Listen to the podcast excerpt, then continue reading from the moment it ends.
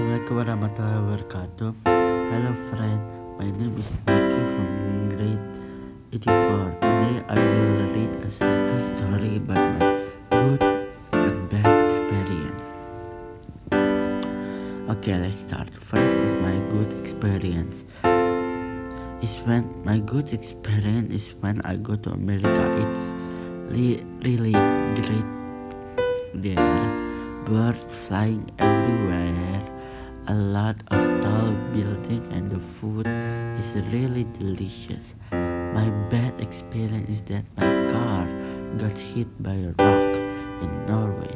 It's scary because in Norway it's just mountain, road, and lake. It's very quiet, but luckily my car was hit when I arrived at Villa, Norway.